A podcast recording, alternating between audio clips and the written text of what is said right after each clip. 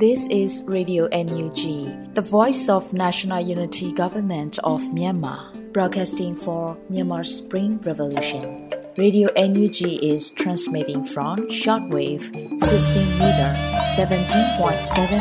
MHz at 8:30 a.m. and 25 meter 11.94 MHz at 8:30 p.m. Myanmar Standard Time.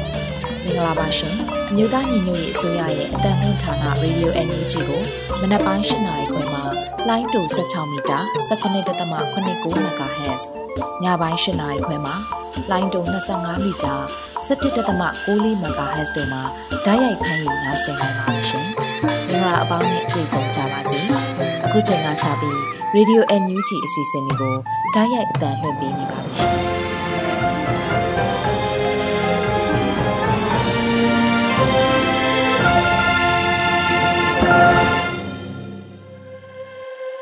မြန်မာနိုင်ငံသူနိုင်ငံသားအပေါင်းတဘာဝပြီးဆရာနာရှင်ပြီးတို့ကနေကင်းဝေးပြီးကိုစိတ်နှစ်ပါးဘေးကင်းလုံခြုံကြပါစေလို့ရေဒီယိုညူချီဖွယ်သားများကဆုတောင်းမြတ်တာပို့သလာရပါတယ်ရှင်။အခုချိန်ကစပြီးပြည်တွင်းသတင်းတွေကိုတော့ရန်နိုင်ကဖတ်ကြားတင်ပြပေးပါတော့မယ်ရှင်။မင်္ဂလာပါခင်ဗျာ။ခုချိန်ကစပြီး2023ခုနှစ်နိုဝင်ဘာလ23ရက်နေ့ညပြည်တွင်းသတင်းများကိုကျွန်တော်ရန်နိုင်ကတင်ပြအစီရင်ခံပါမယ်ခင်ဗျာ။ပထမဆုံးတင်ပြပေးခြင်းတဲ့သတင်းကတော့ ပုဂ္ဂလိကဗန်များမှအနံ့ထားတဲ့ပြည်သူအနံ့ငွေများဆုံးရှုံးနေနာမှုမရှိစေရေးစီမံဆောင်ရွက်နေတယ်လို့ NUG ထုတ်ပြန်တဲ့သတင်းကိုတင်ဆက်ပေးပါမယ်။ဂျားကာလာပြည်သူ့အုပ်ချုပ်ရေးအကောင့်ထဲပေါ်ဆောင်ရွက်နေတဲ့ဒေသတွေက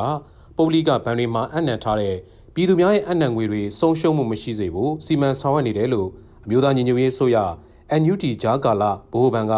ဒီကနေ့နိုဝင်ဘာလ23ရက်မှာထုတ်ပြန်လိုက်ပါတယ်။အခုနှစ်အော်တိုဘာလနှောင်းပိုင်းကစပြီး အရှိန်ဟုန်မြင့်လာတဲ့ပြည်သူ့ຫນွေဦးတော်လိုင်းအောင်ပွဲတွေနဲ့အတူဂျာဂါလာပြည်သူ့အုပ်ချုပ်ရေးအကောင့်ထဲပေါ်နေတဲ့ဒေသတွေကပုလိကဘဏ်တွေမှာအနံ့ထားတဲ့ပြည်သူတွေရဲ့အနံ့ငွေများနဲ့ပတ်သက်လို့အမျိုးသားညီညွတ်ရေးအစိုးရဂျာဂါလာဘိုးဘဏ်ကထုတ်ပြန်လိုက်တာပါအမျိုးသားညီညွတ်ရေးအစိုးရဂျာဂါလာဘိုးဘဏ်အနေနဲ့ပြည်သူတွေရဲ့နစ်နာဆုံးရှုံးမှုတွေအချိန်မီကူစားနိုင်ရေးအတွက်ပြည်သူ့အုပ်ချုပ်ရေးစတင်ဆောင်ရွက်နေတဲ့ဒေသတွေမှာဗန္နာရေးဆိုင်ရာလိုက်နာဆောင်ရွက်ရမယ့်လုပ်ငန်းစဉ်တွေကိုဂျာဂါလာပြည်သူ့အုပ်ချုပ်ရေးလုပ်ငန်းစီမံချက် SOPs Standard Operating Procedures ထုတ်ပြန်ပြီးစနစ်တကျရှိစေဖို့နဲ့တာဝန်ယူမှုတာဝန်ခံမှုရှိစေဖို့စီစဉ်ဆောင်ရွက်နေတယ်လို့ဆိုပါတယ်။ဒီလုပ်ငန်းစီမံချက်မှာစိမ့်ပိုက်ရရှိထားတဲ့နယ်မြေအတွင်းကပုဂ္ဂလိကဗန်များရဲ့ပြဝန်အဆောက်အုံဗန်ဝန်ထမ်းရှိပါကဗန်အတွင်းရှိငွေသားဗန်ငွေတိုက် VAF ငွေသားငွေစင်းမှမှတ်တမ်းများစာချုပ်စာတမ်းများပေါင်ဒဏ်စာရွက်စာတမ်းများ collateral ဗန်အတွင်းရှိစက်ပစ္စည်းကိရိယာများ ရုံသုံး software ဟက်ဝင်းများနဲ့ဆက်လျင်းတဲ့ဆောင်ရွက်ရမယ့်လုပ်ငန်းစဉ်အသေးစိတ်ကိုဖော်ပြသတ်မှတ်ထားပြီးဂျာကာလာပြည်သူ့အုပ်ချုပ်ရေးဖွဲ့များလိုက်နာအကောင့်ထဲပေါ်မှုဆောင်မှုကိုအထူးကြက်မှတ်စီမံနေတယ်လို့ထုတ်ပြန်ချက်မှာဖော်ပြထားပါတယ်။အခြေအနေတည်ငြိမ်တာနဲ့ထိမ့်သိမ်းပြုစုထားတဲ့စီးရင်စရာမှတ်တမ်းတွေနဲ့အညီပြည်သူအနှံငွေများပြည်သူထံပြန်လည်ရရှိစေရေးစီမံဆောင်ရွက်တော်မှာဖြစ်တယ်လို့အမျိုးသားညီညွတ်ရေးအစိုးရဂျာကာလာဗဟိုဘဏ်ကထုတ်ပြန်ထားပါတယ်ခင်ဗျာ။အခုဆက်လက်ပြီး ရည်ရည်တောင်မြို့နယ်ရှိစစ်ကောင်စီတပ်စခန်းနှစ်ခုကိုရခိုင်တပ်တော် AA တိုက်ခိုက်ခဲ့တဲ့တဲ့ရင်ကိုလည်းတင်ဆက်ပေးပါောင်းမယ်။ရခိုင်ပြည်နယ်ရည်ရည်တောင်မြို့နယ်အနောက်တောင်ပိုင်းမှာရှိတဲ့ဒုံးပိုက်နဲ့ချိန်ခါလီနယ်ကြားဆောင်စခန်းတွေကိုရခိုင်တပ်တော် AA ကနွေမာလာ23ရက်မနက်စောပိုင်းမှာတိုက်ခိုက်ခဲ့တယ်လို့သိရပါတယ်။နွေမာလာ23ရက်နေ့မနက်9:00နာရီချိန်ကတိုက်ပွဲစတင်ခဲ့တာဖြစ်တယ်လို့ဒေတာရင်းသတင်းရင်းမြစ်တွေကပြောပါတယ်။ရည်ရည်တောင်မြို့နယ်ဒုံးပိုက်နဲ့ချိန်ခါလီကြီးရွာတွေမှာရှိတဲ့စစ်ကောင်စီရဲ့နယ်ကြားဆောင်တပ်စခန်းတွေကို AA ကတိုက်ခိုက်သိမ်းပိုက်နိုင်ခဲ့ပြီလို့ဒေသခံတွေကပြောဆိုနေခဲ့ပေမဲ့ AA ဘက်ကနိုဝင်ဘာလ23ရက်မနက်7:00နာရီချိန်ထိထုတ်ပြန်လာတာမရှိသေးပါဘူး။လက်ရှိမှာစစ်ကောင်စီတပ်တွေနဲ့ရခိုင်တပ်တော် AA တို့တိုက်ပွဲတွေပြင်းထန်နေတာကြောင့်ဒေသခံတွေဘေးလွတ်ရာကိုထွက်ပြေးနေရတယ်လို့ဒေသတွင်းသတင်းရင်းမြစ်တွေကဆိုပါတယ်။ရည်သေးတော်မြို့နယ်မှာအကြမ်းဖက်စစ်ကောင်စီတပ်တွေနဲ့ရခိုင်တပ်တော် AA တို့တိုက်ပွဲတွေပြင်းထန်နေသလိုမြင်းပြမြို့နယ်မှာလည်းစစ်ကောင်စီကားနှစ်စီးကို AA က နိုဝင်ဘာလ23ရက်နေ့မနက်ပိုင်းမှာပဲကြားဖြတ်တိုက်ခိုက်ခဲ့တာရှိပါတယ်။မြင်းပြမြို့အခြေဆိုင်တိုင်းဗဟို9ကနေထွက်လာတဲ့စစ်ကား2စီးရာမောင်ဘက်ကနေပြန်လာချိန်မှာချင်းဖားပြိုကျေးရွာနီးမှာတိုက်ခိုက်ခံရတာလို့သိရှိရပါတယ်။အဲဒီတိုက်ခိုက်ခံရမှုမှာစစ်ကောင်စီဘက်ကထိခိုက်ဒေဆုံးမှုတွေရှိခဲ့ပြီးကားတစ်စီးမီးလောင်ပျက်စီးသွားတယ်လို့လည်းသိရပါတယ်။အခုလိုတိုက်ခိုက်ခံရပြီးတဲ့နောက်ကျင်းတောင်မှာရှိတဲ့စစ်ကောင်စီတပ်ရင်းကလက်နက်ကြီးတွေနဲ့အဆက်မပြတ်ပစ်ခတ်နေတာကြောင့် ဆက်လီတွေနဲ့လိုင်းကားတွေသတိနဲ့တွာလာနေကြရပြီးမင်းပြားမြေပုံတွာလာမှုနည်းသွားတယ်လို့ဒေသခံစကားကိုကိုးကားပြီးရခိုင်ပြည်နယ်သတင်းတွေကိုဦးစားပေးဖော်ပြနေတဲ့ Western News ကဖော်ပြထားပါတယ်။အလားတူမြောက်ဦးမြို့နယ်မှာလည်းစစ်ကောင်စီတပ်တွေဟာနိုဝင်ဘာလ23ရက်မနက်9:00နာရီလောက်ကလက်နက်ငယ်တွေနဲ့ရန်သံပစ်ခတ်ခဲ့တာကြောင့်လမ်းသွားလမ်းလာအချို့ထိခိုက်ဒဏ်ရာတွေရရှိခဲ့တယ်လို့လည်းသိရှိရပါတယ်။ရခိုင်ပြည်နယ်အတွင်းရသေးတောင်နဲ့မင်းပြားမြို့နယ်မှာအကြမ်းဖက်စစ်ကောင်စီတပ်တွေနဲ့ ရခိုင်တပ်တော် AA တို့ကြားစစ်ပွဲတွေဖြစ်နေပြီးအခြားမြို့နယ်တွေမှာလည်းစစ်ရေးတင်းမာနေတယ်လို့ Western News ကအသိပေးထားပါတယ်။ရခိုင်တပ်တော် AA နဲ့အကြမ်းဖက်စစ်ကောင်စီတို့ဟာ2022ခုနှစ်နိုဝင်ဘာလ26ရက်နေ့ကနှစ်ဖက်နားလည်မှုနဲ့အပြစ်ခတ်ရဲစဲထားတာကြောင့်တိုက်ပွဲတွေမဖြစ်ခဲ့တာဟာတစ်နှစ်နီးပါးရှိနေပြီလို့လည်းသိရှိရပါတယ်ခင်ဗျာခုတစ်ခါမှာတော့ရေခေါ်တာမြို့မှာစစ်တပ်နဲ့ပြည်သူ့ကာကွယ်ရေးဖွဲ့တွေတိုက်ပွဲဖြစ်နေတာကြောင့် ဒေသခံတွေစစ်ဘေးရှောင်နေရတဲ့တဲ့ရင်ကိုလည်းတင်ဆက်ပေးပါမယ်။အိန္ဒိယမြန်မာနယ်စပ်ရေခေါ်တာမြို့မှာအကြမ်းဖက်စစ်ကောင်စီတပ်နဲ့ပြည်သူ့ကာကွယ်ရေးဖွဲ့တွေတိုက်ပွဲဖြစ်နေတာကြောင့်ထောင်နဲ့ချီတဲ့ဒေသခံတွေစစ်ဘေးရှောင်နေရတယ်လို့ဒေသတွင်းသတင်းရင်းမြစ်တွေစီကသိရပါဗျ။အကြမ်းဖက်စစ်ကောင်စီတပ်နဲ့ဒေသကာကွယ်ရေးအဖွဲ့တွေနိုဝင်ဘာလ23ရက်နေ့မနက်ပိုင်းကစပြီးတိုက်ပွဲဖြစ်နေတာကြောင့်ရီခေါ်ဒါမျိုးကဒေသခံတွေအိန္ဒိယဘက်ခြမ်းကိုထွက်ပြေးတင်းရှောင်နေရတယ်လို့ ဒေသတွင်းသတင်းတွေကိုဦးစားပေးဖော်ပြနေတဲ့ Chin Wall ကအသိပေးထားပါတယ်။အိန္ဒိယမြန်မာနယ်စပ်ရီခေါ်ဒါမျိုးရဲ့တောင်ဘက်မှာတက်ဆွဲထားတဲ့အကြမ်းဖက်စစ်ကောင်စီတပ်စခန်းကိုဒေသကာကွယ်ရေးအဖွဲ့တွေကတိုက်ခိုက်ခဲ့တာကြောင့်နှစ်ဖက်အပြန်အလှန်ပစ်ခတ်မှုတွေရှိခဲ့ပြီးဒေသခံတွေဟာတီယိုချောင်းတစ်ဖက်ကမ်းမှာရှိတဲ့ဇိုခွေတာရွာဘက်ကိုစစ်ဘေးရှောင်နေကြတယ်လို့ဆိုပါတယ်။ရီခိုရာမျိုးတောင်ပေါ်မှာတက်ဆွဲထားတဲ့အကြမ်းဖက်စစ်တပ်ကပစ်ခတ်လိုက်တဲ့လက်နက်ကြီးကြီးတွေအိန္ဒိယဘက်ခြမ်း ဇိုခွေတာရွာကစစ်ဘေးရှောင်စခန်းမှာပောက်ကွဲခဲ့တာကြောင့်သက်85နှစ်ရွယ်အဖွားတဦးနဲ့နှစ်တန်းကျောင်းသားတဦးဒဏ်ရာရရှိသွားတာရှိတယ်လို့လည်းသိရှိရပါတယ်။ဒဏ်ရာရသွားသူတွေကိုအိန္ဒိယနိုင်ငံချမ်ဖိုင်းဆေးရုံကိုပို့ပြီးကုသပေးနေတယ်လို့ထွက်ပြေးလာတဲ့မြန်မာစစ်ရှောင်တွေကိုလည်းထမင်းနဲ့ဟင်းတွေချက်ကျွေးနေတယ်လို့ချင်းဝေါ်မှာဖော်ပြထားပါတယ်။အခုလိုရီကော်ဒါမျိုးတိုက်ပွဲတွေဖြစ်နေတာကြောင့်ကလေးရီကော်ဒါပြေးဆွဲနေတဲ့ရင်လိုင်းအချို့ရနာထားတယ်လို့လည်းအသိပေးထားပါတယ်။ရီကော်ဒါမျိုးကအကြမ်းဖက်စစ်ကောင်စီတပ်စခန်းကို ဒေသကာကွယ်ရေးဖွဲ့တွေတိုက်ခိုက်သိမ်းပိုက်နိုင်ခဲ့ပြီလို့သတင်းတွေထွက်ပေါ်နေခဲ့ပေမဲ့ချင်းပြည်နယ်အခြေစိုက်ပြည်သူ့ကာကွယ်ရေးဖွဲ့တွေကနိုဝင်ဘာလ23ရက်နေ့မွန်းလွဲတနင်္လာကျော်အချိန်ထိတရားဝင်ထုတ်ပြန်ထားတာမရှိသေးပါဘူးခင်ဗျာခုတစ်ခါမှာတော့ကွန်လုံမျိုးကိုအလုံးစုံထိန်းချုပ်နိုင်ခဲ့ခြင်းဟာကိုးကန့်လူမျိုးတို့အိမ်ပြန်ခရီးအတွက်မျှော်လင့်ချက်ပုံမူနီးကပ်သွားစေခဲ့တယ်လို့မြောက်ပိုင်းညီနောင်သုံးဘွဲ့ဆိုလိုက်တဲ့သတင်းကိုတင်ဆက်ပေးပါောင်းမယ်။နာမည်ကျော်ကွန်လုံမျိုးကိုအလုံးစုံထိန်းချုပ်နိုင်ခဲ့ခြင်းဟာ စစ်ကောင်စီကိုတိုက်ထုတ်နေတဲ့ပြည်သူများအတွက်အောင်ပွဲတစ်ခုဖြစ်တယ်လို့ကိုကန့်လူမျိုးတို့ရဲ့အိမ်ပြန်ခရီးအတွက်မျောလင်းချက်ပုံမနီးကပ်သွားစေခဲ့တယ်လို့မြောက်ပိုင်းညီနောင်သုံးဘွဲကထုတ်ပြန်လိုက်ပါတယ်။ကုန်းလုံမျိုးမှာရှိတဲ့စစ်ကောင်စီတပ်စခန်းနဲ့ဌာနများအားလုံးကိုမြောက်ပိုင်းညီနောင်သုံးဘွဲနဲ့မဟာမိတ်အဖွဲ့တွေနိုဝင်ဘာလ12ရက်နေ့မှာအပိသက်ရှင်းလင်းနိုင်ငံပြီးတဲ့နောက်မှာအခုလိုထုတ်ပြန်လိုက်တာပါ။တမိုင်းမှာနာမည်ကြီးပြီးဂုံယူဝင်ကြွားစွာထုတ်ဖော်ပြသလေးရှိတဲ့ကုန်းလုံမျိုးမကြစေရေးအကြမ်းဖက်စစ်တပ်က လေကြောင်းစစ်ကူအပြည့်အဝသုံးပြီးခုခံကာကွယ်နေတဲ့ကြားကညီနောင်သုံးဘွဲ့နဲ့မိဘဖွဲ့စည်းတွေအားလုံးအသက်သွေးချွေးဆတဲ့ယင်းဤပိဆက်မှုများစွာနဲ့စီစီလုံးလုံးတိုက်ခိုက်ခဲ့တာကြောင့်ကုန်းလုံမျိုးကိုသိမ့်ပိုက်နိုင်ခဲ့တာလို့လည်းအတိပေးထားပါတယ်။ကုန်းလုံမျိုးကိုအလုံးစုံထိန်းချုပ်နိုင်ဖို့နိုဝင်ဘာလ၁ရက်နေ့နဲ့စနေနေ့အထိကြာမြင့်ခဲ့ပြီးစနေရက်ကြာစစ်စင်ရေးမှာထိုးစစ်တွေအကြိမ်ကြိမ်လုပ်ခဲ့ရတဲ့အတွက်ပေးဆက်မှုရင်းနှီးမှုအများဆုံးဖြစ်ခဲ့တယ်လို့လည်းသိရှိရပါတယ်။ဒီရလက်ဟာ တစ်တုံညာနှစ်ခွန်စစ်စင်ရေးမှာအရေးပါခဲ့တယ်လို့မဟာမိတ်ဖွဲ့စည်းတွေကြားစီလုံးညီညွတ်မှုပြရုံလည်းဖြစ်တယ်လို့ညီနောင်သုံးဘွဲကအသိပေးထားပါတယ်။ဒါ့အပြင်ဒီစစ်စင်ရေးအတွင်းမှာအသက်ဆုံးခဲ့ရတဲ့ရဲဘော်တွေအတွက်လေးနက်စွာဂုဏ်ပြုကြောင်းကိုလည်းထုတ်ပြန်ချက်မှာဖော်ပြထားပါတယ်။မြောက်ပိုင်းညီနောင်မဟာမိတ်သုံးဘွဲဟာချင်းရွှေဟော်ပန်ဆိုင်ကျူကုတ်ဖောင်းဆိုင်တိန်နီနဲ့နန်ခမ်းမြို့တွေကစစ်ကောင်စီတပ်ဖွဲ့တွေစစ်တပ်လက်အောက်ခံရဲတပ်ဖွဲ့နဲ့ပြည်သူစစ်တွေကို တယောက်မကြံတိုက်ထုတ်နိုင်ခဲ့ပြီးအုပ်ချုပ်ရေးလုပ်ငန်းတွေကိုလည်းစတင်နေပြီဖြစ်ပါတယ်ခင်ဗျာ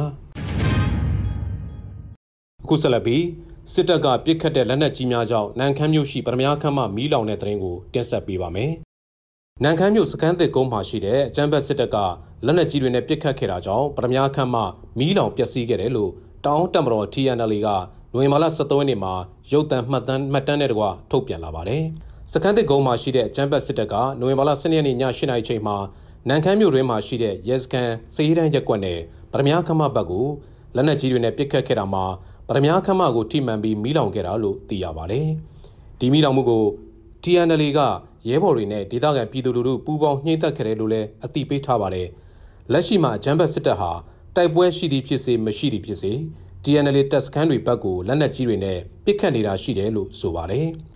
လက်နက်ကြီးကြီးကြားရောက်ပောက်ကွဲတဲ့နေရာတိုင်းမှာမိလောင်ခဲ့တာကြောင့်အကြမ်းဖက်စစ်တပ်ဟာမိလောင်ဘုံတွေအုံပြုတိုက်ခိုက်နေတာလို့ TNL ကခန့်မှန်းထားပါတယ်။နိုဝင်ဘာလ17ရက်နေ့ကလည်းစစ်ကောင်စီဘက်ကပစ်ခတ်လိုက်တဲ့လက်နက်ကြီးကြီးတွေတာယာကုန်းရက်ွက်တွင်းကိုကြားရောက်ပောက်ကွဲခဲ့တာကြောင့်လူနေအိမ်၃လုံးမိလောင်ပျက်စီးခဲ့ရပါတယ်။ဒီလိုအကြောင်းမဲ့ပစ်ခတ်နေတာဟာတောင်းတက်မတော်အပေါ်ပြည်သူလူထုအထင်မြင်လွဲအောင်နဲ့အမုန်းပွားစေရန်စစ်ကောင်စီကရည်ရွယ်လှုပ်ဆောင်နေတာလို့ TNL ကထုတ်ပြန်ထားပါတယ်ခင်ဗျာ အခုနောက်ဆုံးမလေးရှားနိုင်ငံမှာပထမအကြိမ် The Way ရန်ပုံငွေရုပ်ရှင်ပြပွဲကျင်းပပြုလုပ်ခဲ့တဲ့သတင်းကိုတင်ဆက်ပေးပါောင်းမယ်မလေးရှားနိုင်ငံမှာဒရိုက်တာလင်းလင်းရိုက်ကူးထားတဲ့ The Way တော်လိုင်းရေးရုပ်ရှင်ကိုနိုဝင်ဘာလ12ရက်နေ့က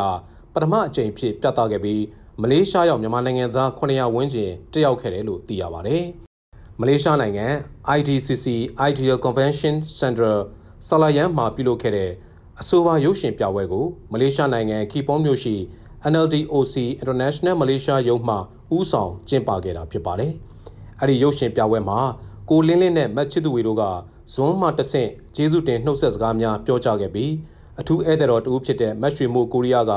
တော်လိုင်းရေးနဲ့ပတ်သက်တဲ့အမှတ်တရစကားတွေကိုပြောကြားခဲ့ပါတယ်။ရုပ်ရှင်လက်မှတ်တစ်စောင်ကိုမလင်းငွေ ringgit 90နှုန်းနဲ့ရောင်းချပေးခဲ့ပြီးတော်လိုင်းရေးအမှတ်တရပစ္စည်းများကိုလည်းရောင်းချပေးခဲ့ရမှာကိုလင်းလင်းနဲ့မတ်ချစ်သူဝေတို့ကိုယ်တိုင်လက်မှတ်ရေးထိုးထားတဲ့အင်ကြီးကို ringgit 2100 အဲ့ကို ringgit 1900နဲ့ soundtrack USB ringgit 2400တို့ဖြင့်အသီးသီးလေလံအောင်မြင်ရောင်းချခဲ့ရတယ်လို့သိရှိရပါတယ်။အဆိုပါရုပ်ရှင်ပြပွဲမှာမလေးရှားရောက်မြန်မာတိုင်းရင်းသားလူမျိုးပေါင်းစုံတို့မှလာရောက်ကြည့်ရှုခဲ့ကြပြီးတိုင်းရင်းသားရိုးရာကများဖြင့်လည်းပါဝင်တီးဆိုဖျော်ဖြေပေးခဲ့ကြပါတယ်။ The Way ရုပ်ရှင်ကိုမလေးရှားနိုင်ငံဂျိုဟော်စနိုင်းမြို့နယ်ဖီနန်းမြို့တွေမှာဆက်လက်ပြသသွားဖို့ရှိတယ်လို့လည်းသိရှိရပါတယ်။ အခုတင်ပြပေးခဲ့တဲ့သတင်းတွေကိုတော့ Radio NUG သတင်းတောက်ကိုခန့်နဲ့မင်းစစ်သွေးတို့မှပေးပို့ထားတာဖြစ်ပါတယ်ခင်ဗျာ။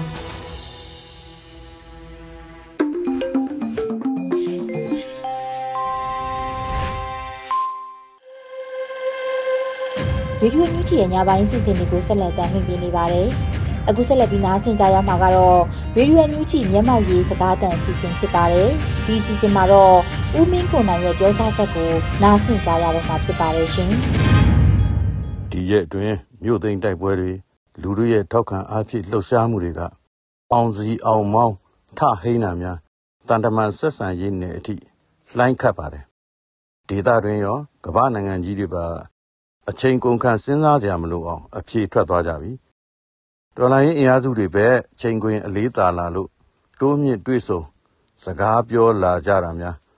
ဇယားအပြည့်ပဲဟဲ့။ဒီလိုပါပဲ။ຫນွေဦးရဲ့မလှမ်းမကမ်းမှာရပ်ကြည့်နေသူတွေလဲပွဲတက်ဝတ်စုံဖုန်ခါကြ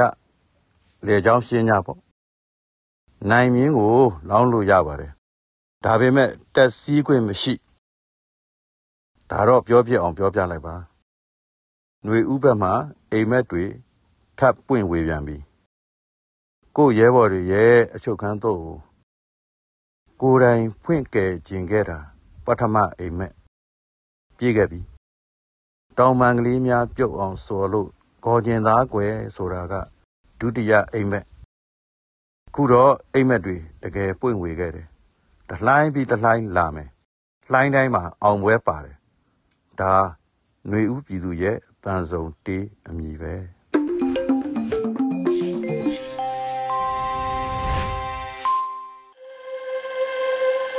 ရေရွယ်ညူးချီရဲ့မျက်မှောက်ရေးစကားတန်အစီအစဉ်ဖြစ်ပါတယ်။အခုဆက်လက်ပြီးနားဆင်ကြရမှာကတော့ရသက်တစ်ပတ်မိုးလေဝသအခြေအနေများဖြစ်ပါတယ်။လူဦးနိုင်ကဖတ်ကြားပြင်ပြပေးပါရမရှင်။မင်္ဂလာပါခင်ဗျာ2023ခုနှစ်နိုဝင်ဘာလ23ရက်နေ့မှ19ရက်နေ့အထိမူလဝတ္တအခြေအနေများကိုတင်ပြပေးပါမယ်။ယခုတစ်ပတ်အတွင်းထူးခြားချက်မှာနိုဝင်ဘာလ23 14 15ရက်များမှာဘင်္ဂလားပင်လယ်အနောက်တောင်ပိုင်းတိရိလင်္ကာအနီးမှအစပြုဖြစ်ပေါ်လာနိုင်တယ်။ လီဘီယာနဲ့ရဲဝန်းတစ်ခုဟာ16ရက်18ရက်များမှာမုန်တိုင်းငယ်အဆင့်သို့ရောက်ရှိလာနိုင်ပြီးအိန္ဒိယနိုင်ငံအရှေ့ဘက်ကမ်းခြေအနီးမှကပ်လျက်ဘင်္ဂလားဒေ့ရှ်နိုင်ငံသို့နိုဝင်ဘာလ18ရက်19ရက်ဝန်းကျင်မှာဖြတ်ကျော်ဝင်ရောက်နိုင်ပါတယ်။ဆိုပါမုန်တိုင်းငယ်ဟာမြန်မာနိုင်ငံသို့ဓာတ်ရိုက်မထိခိုက်နိုင်ပေမဲ့လေမြန်မာနိုင်ငံအထက်ပိုင်းမှာမုန်တိုင်းအရှိန်ကြောင့်မိုးထစ်ချုံရွာနိုင်ပါတယ်။ နိုဝင်ဘာလ20ရက်နေ့နောက်ပိုင်းမှာမြန်မာနိုင်ငံပေါ်မှာစောင်းအေးတက်ပြန်လည်ကျရောက်လာနိုင်ပါတယ်မြန်မာနိုင်ငံအလဲပိုင်းနဲ့အထက်ပိုင်းတို့မှာမနက်ပိုင်းမှာမြူထူများလဲကျဆင်းလာနိုင်တယ်လို့ညအပူချိန်များလဲတိတာစွာအေးလာနိုင်ပါတယ်နေ့အလိုက်တစ်ပတ်စာမိုးလေဝသအခြေအနေများကိုလည်းဆက်လက်တင်ပြပေးသွားပါမယ်နိုဝင်ဘာလ23ရက်နေ့အတွက်ခံမှန်းချက်ကတော့မြန်မာနိုင်ငံအထက်ပိုင်းနဲ့အလဲပိုင်းတို့မှာအရှိတောင်လေများတိုက်ခတ်လာနိုင်ပြီးတော့တောင်ပိုင်းမှာ အရှိအရှိတောင်လေများတိုက်ခတ်နေနိုင်ပါတယ်။စောင်းမောက်သွန်အခြေအနေမှာအိန္ဒိယနိုင်ငံအနောက်ပိုင်းပေါ်မှာလေပြားများဆဲဟာအင်အားအနှင်းငယ်ပြန်ရောကျလာနေစေဖြစ်ပါတယ်။မြန်မာနိုင်ငံအထက်ပိုင်းနဲ့အလဲပိုင်းတို့မှာညအပူချိန်များအနှင်းငယ်ပြန်အေးလာနိုင်ပါတယ်။ဘင်္ဂလားပင်လယ်အော်အခြေအနေမှာဘင်္ဂလားပင်လယ်အော်အနောက်တောင်ပိုင်းတိရိလင်္ကာအနီးမှာလေပြားနဲ့ရဲဝန်းတစ်ခုဖြစ်ပေါ်လာနိုင်ပါတယ်။ဘင်္ဂလားပင်လယ်အော်မြောက်ပိုင်းမှာတာယာနေပြီးတော့ကြံဘင်္ဂလားပင်လယ်အော်နဲ့ကပ်ပလီပင်လယ်ပြင်တို့မှာ တိမ်အသင့်တင်ဖြစ်ထွန်းနိုင်ပါတယ်။မိုးအခြေအနေမှာတနင်္သာရီတိုင်းမွန်ပြည်နယ်ရန်ကုန်တိုင်းအေရဝတီတိုင်း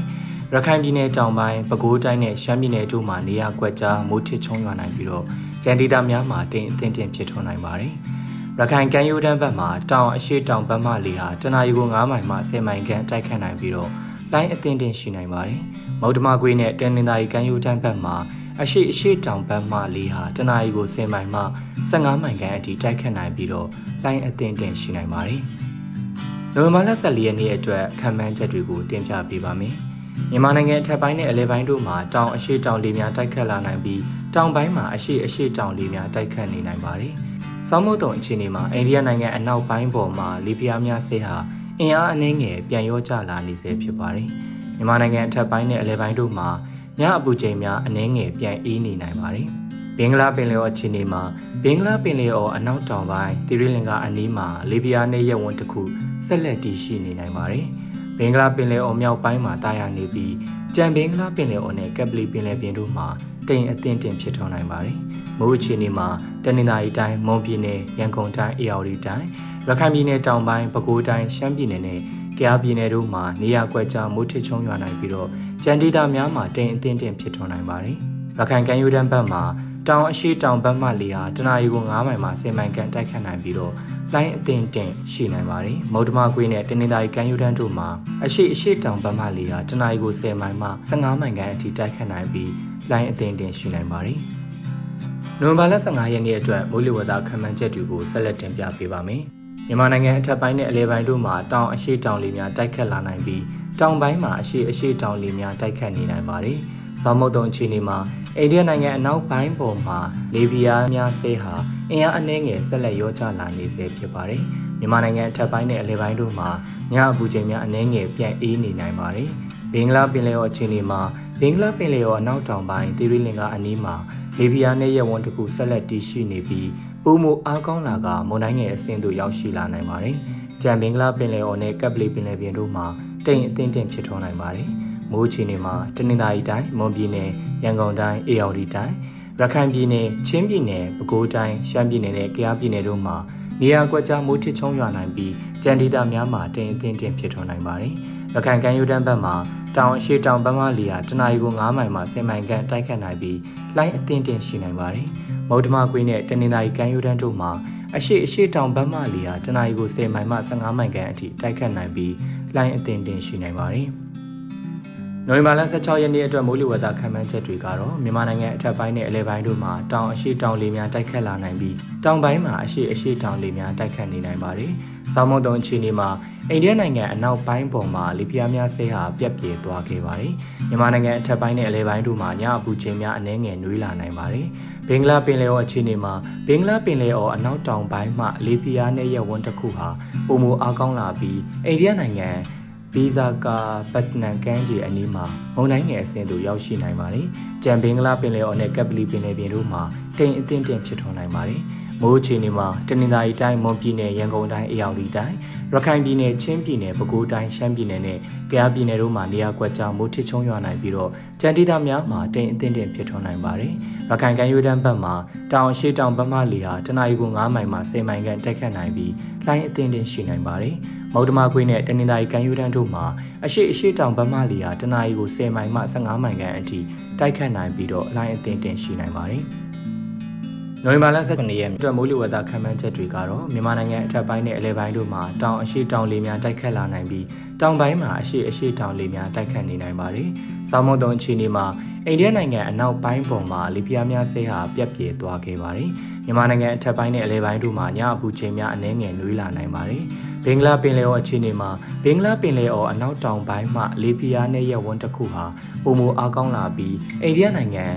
ဘီဇာကာပတ်နန်ကမ်းခြေအနီးမှာမုန်တိုင်းငယ်အဆင့်သို့ရောက်ရှိနိုင်ပါတယ်။ကြံဘင်္ဂလားပင်လယ်အော်နဲ့ကပ်ပလီပင်လယ်ပြင်တို့မှာတိမ်အထင်တင်ဖြစ်ထွန်းနိုင်ပါတယ်။မိုးအခြေအနေမှာတနင်္သာရီတိုင်းမွန်ပြည်နယ်ရန်ကုန်တိုင်းအေရဝတီတိုင်းရခိုင်ပြည်နယ်ချင်းပြည်နယ်ပဲခူးတိုင်းရှမ်းပြည်နယ်နဲ့ ကယားပြည်နယ်တို့မှာနေရာကွက်ကြားမိုးထစ်ချုံရွာနိုင်ပြီးတော့ကြံတိတာများမှာတိမ်အထင်တင်ဖြစ်ထွန်းနိုင်ပါတယ်။ရခိုင်ကမ်းရိုးတန်းဘက်မှာတောင်ရှိတောင်ဘက်မှလေဟာတနအီကို9မိုင်မှ10မိုင်ခန့်တိုက်ခတ်နိုင်ပြီးလိုင်းအထင်တင်ရှိနိုင်ပါတယ်။မௌဒမကွေးနဲ့တနင်္သာရီကမ်းရိုးတန်းတို့မှာအရှိအရှိတောင်ဘက်မှလီယာတနအီကို10မိုင်မှ15မိုင်ခန့်အထိတိုက်ခတ်နိုင်ပြီးတော့လိုင်းအသင်တင်ရှိနိုင်ပါတယ်။ မௌဒမကွေးနဲ့တနင်္သာရီကမ်းရိုးတန်းတို့မှာအရှိအရှိတောင်ဘက်မှလီယာတနအီကို15မိုင်မှ25မိုင်ခန့်အထိတိုက်ခတ်နိုင်ပြီးတော့လိုင်းကြီးနိုင်ပါတယ်။နိုဝင်ဘာလ18ရက်နေ့အတွက်မိုးလေဝသခန့်မှန်းချက်တွေကိုဆက်လက်တင်ပြပေးပါမယ်။မြန်မာနိုင်ငံအထက်ပိုင်းနဲ့အလယ်ပိုင်းတို့မှာတောင်အရှိတောင်လေများတိုက်ခတ်လာနိုင်ပြီးတော့တောင်ပိုင်းမှာအရှိအရှိတောင်လေများတိုက်ခတ်နေနိုင်ပါတယ်။ စောင်းမုတ်တုံအခြေအနေမှာမြန်မာနိုင်ငံအထက်ပိုင်းနဲ့အလယ်ပိုင်းတို့မှာညအပူချိန်များအနည်းငယ်နှွေးလာနိုင်ပါတယ်။ဘင်္ဂလားပင်လယ်အော်အခြေအနေမှာဘင်္ဂလားပင်လယ်အော်အနောက်မြောက်ပိုင်းမှာမုန်တိုင်းငယ်ဟာဘင်္ဂလားဒေ့ရှ်ကမ်းခြေသို့ ဝင်ရောက်နိုင်ပြီးတော့လေပြင်းနဲ့ရက်ဝန်းအဖြစ်အားပြန်ရောကျလာနိုင်ပါတယ်။ဘင်္ဂလားပင်လယ်အော်မြောက်ပိုင်းမှာတိမ်ထူထပ်နိုင်ပြီးတော့ကြံဘင်္ဂလားပင်လယ်အော်နဲ့ကပ်ပလီပင်လယ်ပြင်တို့မှာတိမ်အသင်းတင်ဖြစ်ထွန်းနိုင်ပါတယ်။မိုးအခြေအနေမှာချင်းပြည်နယ်၊စကိုင်းတိုင်းအထက်ပိုင်းနဲ့ကချင်ပြည်နယ်တို့မှာနေရာစိတ်စိတ်ရှမ်းပြည်နယ်မြောက်ပိုင်းမှာနေရာကျကျရခိုင်ပြည်နယ်မန္တလေးတိုင်း မကွေးတိုင်းနဲ့နေပြည်တော်တို့မှာနေရာကွက်ကြားမိုးထစ်ချုံရွာနိုင်ပြီးတော့ကြံဒေသများမှာတိမ်အသင်းတင်ဖြစ်ထွန်းနိုင်ပါတယ်။ချင်းပြည်နယ်နဲ့စကိုင်းတိုင်းအောက်ပိုင်းတို့မှာနေရာကွက်ပြီးမိုးကြီးနိုင်ပါတယ်။ရခိုင်ကမ်းရိုးတန်းဘက်မှာတောင်အရှိတောင်ဘက်မှလေဟာတနအီကို15မိုင်မှ -30 ခန့်တိုက်ခတ်နိုင်ပြီးတော့နိုင်ကြီးနိုင်ပါတယ်။မော်ဒမာကွေနဲ့တနင်္သာရီကမ်းရိုးတန်းတို့မှာအရှိအရှိတောင်ဘက်မှလေဟာတနအီကို15မိုင်မှ25မိုင်ခန့်အထိတိုက်ခတ်နိုင်ပြီးတော့လိုင်းကြီးနိုင်ပါတယ်။ နိုဝင်ဘာလ19ရက်နေ့အတွက်မိုးလေဝသခန့်မှန်းချက်တွေကတော့မြန်မာနိုင်ငံအထက်ပိုင်းနဲ့အလယ်ပိုင်းတို့မှာတောင်အရှိတောင်လေများတိုက်ခတ်နိုင်ပြီးတော့တောင်ပိုင်းမှာအရှိအရှိတောင်လေများတိုက်ခတ်နေနိုင်ပါတယ်။ဆောင်းမုတ်တုံချီနေမှာမြန်မာနိုင်ငံအထက်ပိုင်းနဲ့အလယ်ပိုင်းတို့မှာညအပူချိန်များတိတိတသာအေးလာနိုင်ပါတယ်။ မနက်ပိုင်းမှာမြူထူများလဲကျဆင်းလာနိုင်ပါတယ်။ဘင်္ဂလားပင်လယ်အော်အခြေအနေမှာဘင်္ဂလားဒေ့ရှ်နိုင်ငံပေါ်မှလေပီယာနဲ့ရဲဝံဟာနောက်24နာရီအတွင်းပြက်ပြဲသွားနိုင်ပါတယ်။ဘင်္ဂလားပင်လယ်အော်မြောက်ပိုင်းနဲ့အလဲပိုင်းတို့မှာတိမ်ထူထပ်နိုင်ပြီးတော့ကြံဘင်္ဂလားပင်လယ်အော်နဲ့ကပ်ပလီပင်လယ်ပြင်တို့မှာတိမ်အထင်တင်ဖြစ်ထွန်းနိုင်ပါတယ်။မိုးအခြေအနေမှာချင်းပြည်နယ်၊စကိုင်းတိုင်းအထက်ပိုင်း၊ကချင်ပြည်နယ်၊ရှမ်းပြည်နယ်၊ရခိုင်ပြည်နယ်၊မန္တလေးတိုင်း၊မကွေးတိုင်း၊နေပြည်တော်နဲ့ ပဲခူးတိုင်းတို့မှာနေရာကွက်ကြားမိုးထစ်ချုံရွာနိုင်ပြီးတော့ကြံဒေသများမှာတိမ်အထင်တင်ဖြစ်ထွန်းနိုင်ပါတယ်။ရခိုင်ကမ်းရိုးတန်းဘက်မှာအနောက်တောင်ဘက်မှလေယာတနအီကို9မိုင်မှ10မိုင်ခန့်တိုက်ခတ်နိုင်ပြီးတော့လိုင်းအထင်တင်ရှိနိုင်ပါတယ်။မော်ဒမာကွေနဲ့တနင်္သာရီကမ်းရိုးတန်းတို့မှာအရှိအရှိမြောက်ဘက်မှလေယာတနအီကို9မိုင်မှ10မိုင်ခန့်အထိတိုက်ခတ်နိုင်ပြီးလိုင်းအထင်တင်ရှိနိုင်ကြောင်းလူသားချင်းစာနာထောက်ထားရေးနဲ့ BNDA ဆိုင်ရာစီမံခန့်ခွဲရေးဝန်ကြီးဌာနမှတပတ်အတွင်းမိုးလေဝသခန့်မှန်းချက်များကိုတင်ပြထားပါရခင်ဗျာ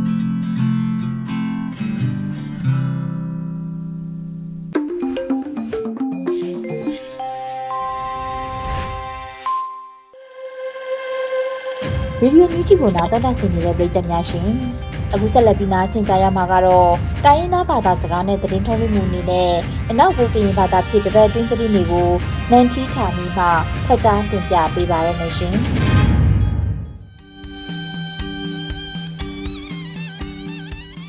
နေမမကွာဒေလာစေပစုံရေးဆောင်ပါပါနဲ့တေလဆူစာစီစချောင်းဝဲပတွဲ NUG လန်ခွေလူပလရှုစတီလန်ဒလန်ဖနော်လ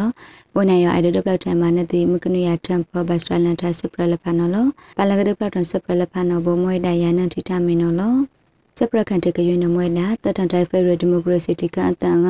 ကဘာမခုလန်ဆာကမွေဒလာစဂီထောဘာနော်အဂိုင်ခန်ကုဒလဆူလလန်တိုဝဲလရှိလာလောင်းလောင်းဝေဒနော်လော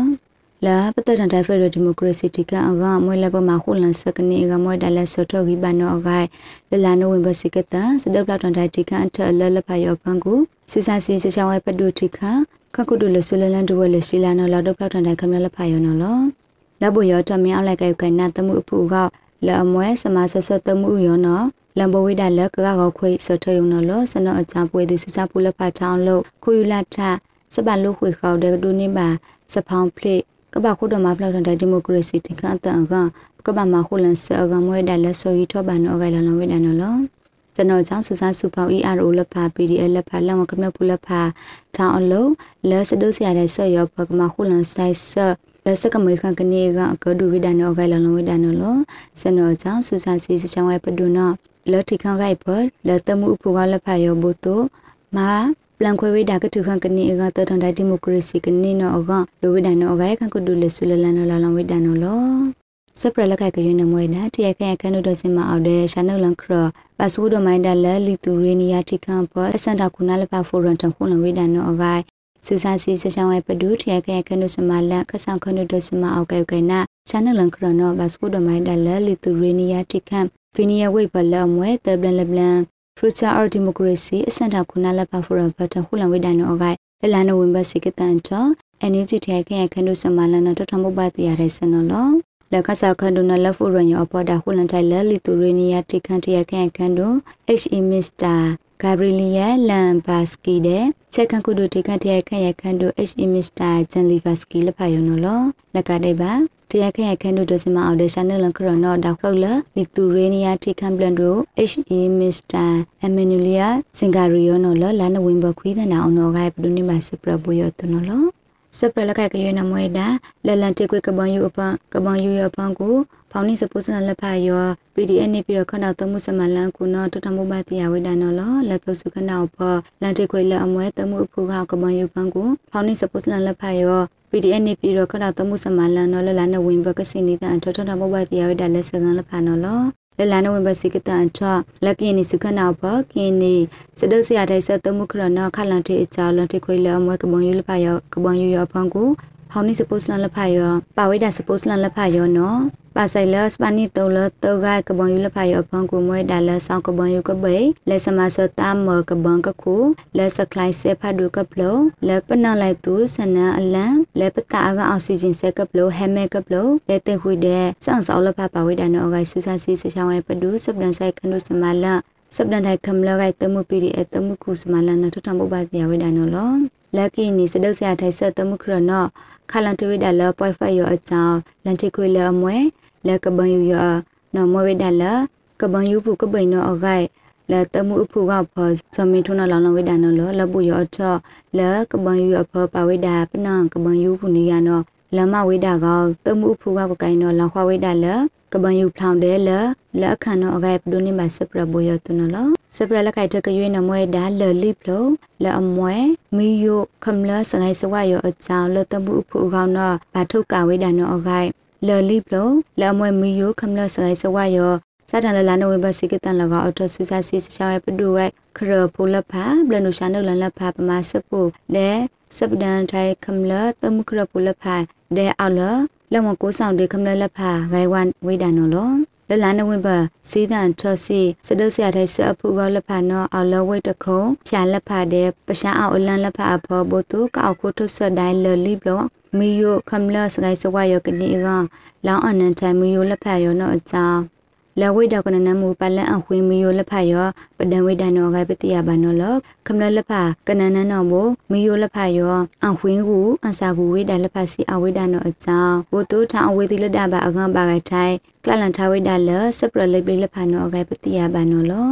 လက်အဖောင်ခွေလက်ဖောင်တပွေအထောလက်ဖယစီပလန်အခွင်းဖောက်လက်ဖစီဘထုတ်ဖောက်လက်ဖအဝိဒနောဂိုင်ပဒုနိမစပရဘူယတုနလော မကနုရထဘဘစတလန်ထစပရလဖနောမရခွေယောနလောပခုနာစတဲ့ကပြတိကဘုတုဒုနိမစမစစုစုဖိုင်ကပစုံစုံပါမနော်လော